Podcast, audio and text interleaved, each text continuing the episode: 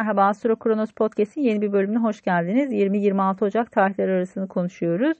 Bu hafta Başak Burçları için daha çok sağlık ve e, iş hayatı ile ilgili konular gündemde olacaktır. Belki ofisiniz ya da çalışanlarınızla ilgili konular da gündeme gelebilir. Astro Kronos'ta bu hafta e, aylık buluşmaların ikincisini gerçekleştireceğiz. E, yarın gerçekleştiriyoruz bu buluşmayı. Bir yeni aydan bir sonraki yeni aya kadar olan süreci değerlendireceğiz. E, bu süreç içerisinde bir yeni ay ve bir dolunay haritasını inceleyeceğiz. Katılımcıların haritaları üzerine etkilerini değerlendirip soru cevap yapacağız.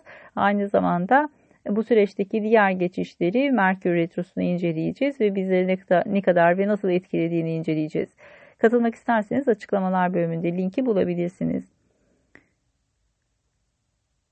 Güneş kova burcuna geçiş yapıyor. Sizler açısından daha çok sağlık konularının ön planda olacağı bir zaman aralığı. Tabii ki e, daha çok ayak, ayak bilikleri, sinirler, kramplar gibi konular ön plana çıkabilir.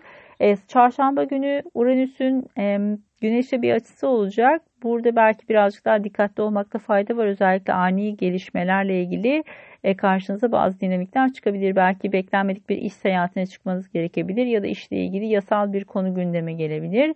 E, burada biraz toleranslı olmakta fayda var. Hemen arkasından Venüs'ün Jüpiter'le çok güzel bir açısı olacak. Bu da sizler açısından daha çok ikili ilişkiler, eş, ortak gibi konularda destekleyici bazı etkiler getiriyor. Tabii ki aynı zamanda çocuklarla ilgili konularda gündeme gelebilir bu süreç içerisinde. Bazı fırsat ve şanslarla karşılaşabilirsiniz.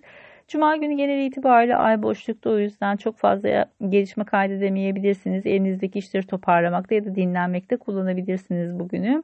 Cumartesi günü e, yeni ay yaşanacak kova burcunda 4 derece sabit burçlarda göstergeleriniz varsa bir miktar stres yaratabilir sizin karşınıza çıkan bu konular.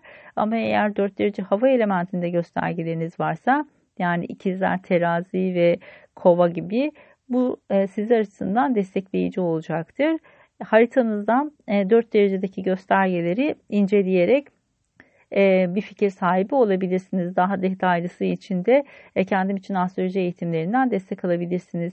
Bu yeni ayda sizler açısından yeni bir çalışma ortamı, yeni bir ofis, belki yeni bir çalışma arkadaşı gündeme gelebilir.